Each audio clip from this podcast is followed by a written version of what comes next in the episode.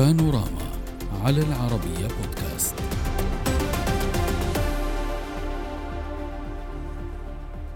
الرئيس الأمريكي السابق دونالد ترامب يتهم إدارة الرئيس جو بايدن بملاحقته وتشويه سمعته والتحقيق معه حتى يضمن الحزب الديمقراطي من الفوز في الانتخابات القادمة.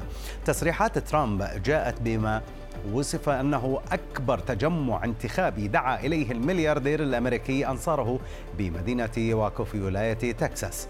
هناك تابع اتهامه بأن استغلال إدارة بايدن لأجهزة إنفاذ القانون في أمريكا يرقى لما قام به ستالين في الاتحاد السوفيتي وفق رويترز مضيفا أن الولايات المتحدة أضحت مثل جمهوريات الموز بسبب تزوير الانتخابات وفق قوله مشيرا إلى أن إدارة بايدن تنشغل بملاحقته ولم تعد تهتم بالصين التي تهدد المصالح الأمريكية وفق قوله. واعتبر ترامب أنه ورغم ما تبذله إدارة بايدن لسحقه وأنصاره إلا أنهم جعلوا منهم أقوياء وفق وصفه. متوعدا بقرب انتهاء ولاية الديمقراطيين وعودة الحرية لأمريكا على حد تعبيره ينضم إلينا من أورلاندو عبر سكايب توم حرب رئيس التحالف الأمريكي الشرق أوسطي للديمقراطية ومن واشنطن الدكتور إدموند غريب الأستاذ في العلاقات الدولية ليبدأ اولا من واشنطن دكتور إدموند يعني آه، اليوم حينما نتحدث عن هذا الظهور آه، آه، لترامب بعد فترة وخاصة بعد هذه القضية هل هو ضحية أم جاني وفق الاتهام؟ تحياتي لك وللأستاذ حرب. من الواضح أن الرئيس ترامب يواجه تحديات كبيرة وضغوط من القيادة الديمقراطية. أما إذا كان مذنبا ام أم لا فهذا يجب أن يترك للمحكمة. ولكن من الواضح أن هناك أيضا عملية تسييس من وراء هذه التحركات. فمنذ اليوم الأول لوصوله إلى البيت الأبيض في 2016 آه، كان هناك اتهامات ومطالبات من قبل وسائل الإعلام بعض وسائل الإعلام الرئيسية مثلا صحيفة الواشنطن بوست في اليوم الأول لتنصيب الرئيس طالبت بعزله آه، واستمرت هذه. كانت هناك اتهامات له بأنه تواطأ مع الروس وأن هذا أدى إلى انتخابه وأن الروس تدخلوا في الحملات الانتخابية الأمريكية وأنه هو أيضا تلاعب ب بضرائبه وبالتالي فإنه يجب أن يحاكم. وبالتالي فإن هناك الكثير من الاتهامات التي وجهت لترامب. ولكن هذه المسألة هي ربما الآن أن هناك ثلاث قضايا. يعني موجهة ضد ترامب. اثنتان في نيو واحدة في نيويورك واحدة في آه، واشنطن وواحدة في جو ولاية جورجيا. بعضها له علاقة بموقفه من الانتخابات والاتهامات بأن الانتخابات كانت مزورة والأخيرة التي لها علاقة أيضا بدوره في آه، دفع أموال لمحاميه لكي يدفع آه، إباحية، كل هذه الأمور طبعا من ناحية هي طبعا موجهة ضد ترامب وإذا تمت ادانته هذه من ناحية قد آه، تثير أسئلة والكثير عندئذ سيعتمد على نتائج المحاكمة. ولكن آه، في في نفس الوقت الذي نرى ذلك نرى أيضا أن ترامب قد بدأ وهذه هي النقطة الأهم هو أنه في أنظار آه، أنصاره وله الكثير من الأنصار في الولايات المتحدة وفي الحزب الجمهوري ينظر إليه على أنه ضحية آه، للألاعيب السياسية للحكومة الاتحادية وإلى إدارة آه، آه، الإدارة الديمقراطية. سيد توم حرب رئيس التحالف الأمريكي الشرق أوسطي للديمقراطية.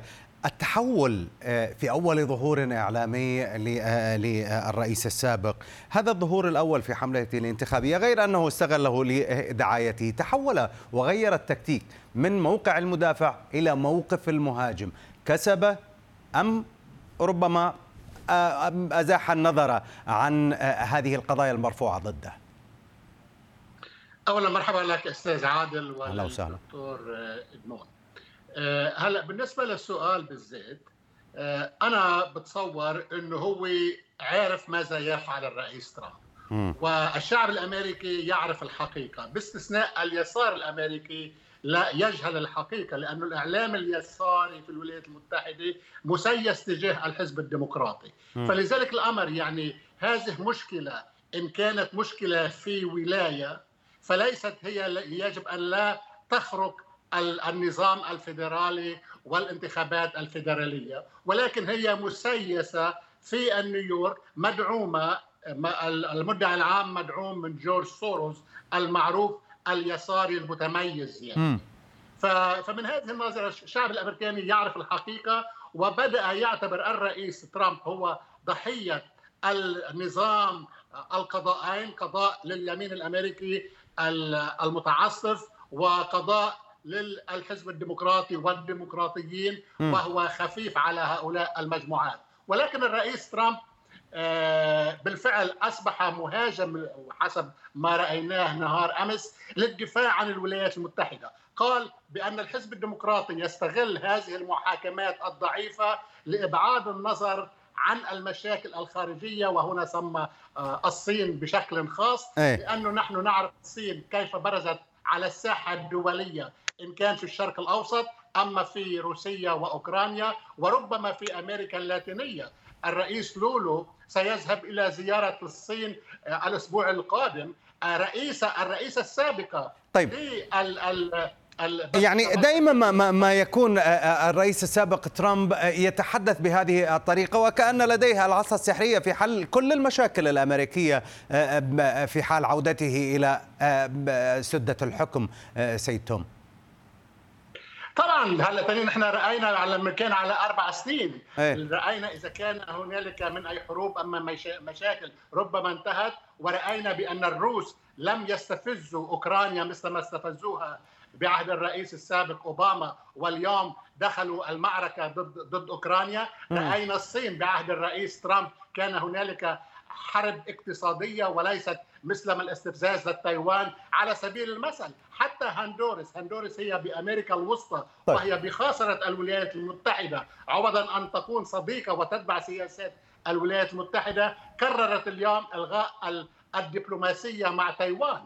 آه، آه، رئيسة الرئيسة السابقة للبرازيل أصبحت اليوم رئيسة البريكس أهول وهو البنك المرادف للبنك الدولي. يعني اليوم إذا البنك الدولي ما أعطى أي دولة أموال هنالك الصين وروسيا وجنوب إفريقيا والبرازيل بإمكانهم أن يعطوا آه، يمولوا مشاريع دولية عوضا عن البنك الدولي طيب. يعني تتراجع السياسة الأمريكية في عهد الرئيس بايدن بالوقت واضح سيد حرب. وهذه خسارة ليس للديمقراط وإنما خسارة للشعب الأمريكي ككل. طيب عودة الحرية لأمريكا على حد آه، تعبير الرئيس الأمريكي السابق آه، ترامب يعني دكتور أدموند إضافة إلى عودته أيضا إلى النغمة القديمة بتزوير الانتخابات لكن هذه المرة أضاف عليها آه، استغلال آه، الرئيس الحالي لسلطاته آه، وذلك لإقصائه عن الانتخابات. إلى أي مدى قد يؤثر ذلك في الشارع حقيقة؟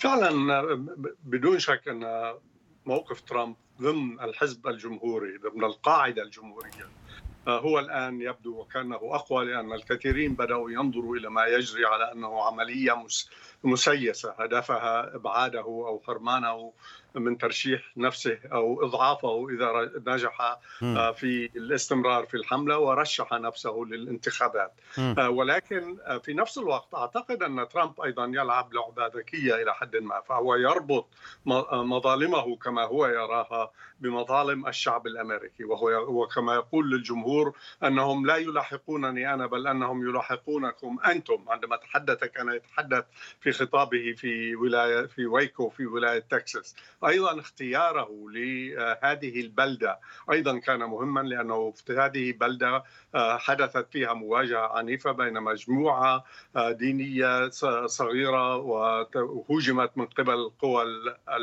الحكومية وقتل عدد كبير من الرجال والنساء والأطفال فيها. ولذلك فهو يريد أن يقول بأن الدولة العميقة هي التي تهدد الولايات المتحدة وأنه إذا فاز هو فهو الذي سيحرر الأمريكيين من نفوذ هذه الدولة العميقة. آه، ولكن طبعا الكثير سيعتمد على ما سيجري خلال آه، هذه التحقيقات ولكنه هو أيضا استغل هذه الفرصة. لتأطير إلى حد كبير تأطير آه، مظالمه بمظالم الشعب الأمريكي وهو وجه اتهاماته إلى المدعين العامين الذين قالوا بأن لديهم يستغلوا ويسيئوا استغلال سلطاتهم. الدستورية آه، لتحقيق أهداف سياسية. طيب آه، سيد حرب يعني آه، هذه الخطوة من أنه قال بأننا نعيش كجمهوريات الموز بسبب تزوير الانتخابات وكما يحدث في الاتحاد السوفيتي يعني هذه الرسالة لمن تصل؟ لأنصاره أم للطرف الآخر خاصة أنه الشارع الأمريكي منقسم الديمقراطيين للديمقراطيين والجمهوريين للجمهوريين وحتى هناك انقسام في الشارع الجمهوري أو الحزب الجمهوري. من هو مؤيد ومن هو معارض لترامب؟ أول شيء نحن ببلاد ديمقراطية فالحزب الجمهوري اليوم سيخوض المعركة الانتخابية ونعرف من سيكون الممثل الرسمي لهم بعد سنة ونصف تقريبا من اليوم. واضح. وكثرة المرشحين هو شيء جيد لأنه سنستمع إلى أفكار جديدة من كل طرف ومن كل مرشح بالحزب الجمهوري وإذا كانت الأغلبية ستصب لمصلحة الرئيس ترامب لأنه جربوه على أربع سنوات والنتيجة الإيجابية التي أعطوها لمصلحه أعطاها لمصلحة الشعب الأمريكي وليس لمصلحته الخاصة.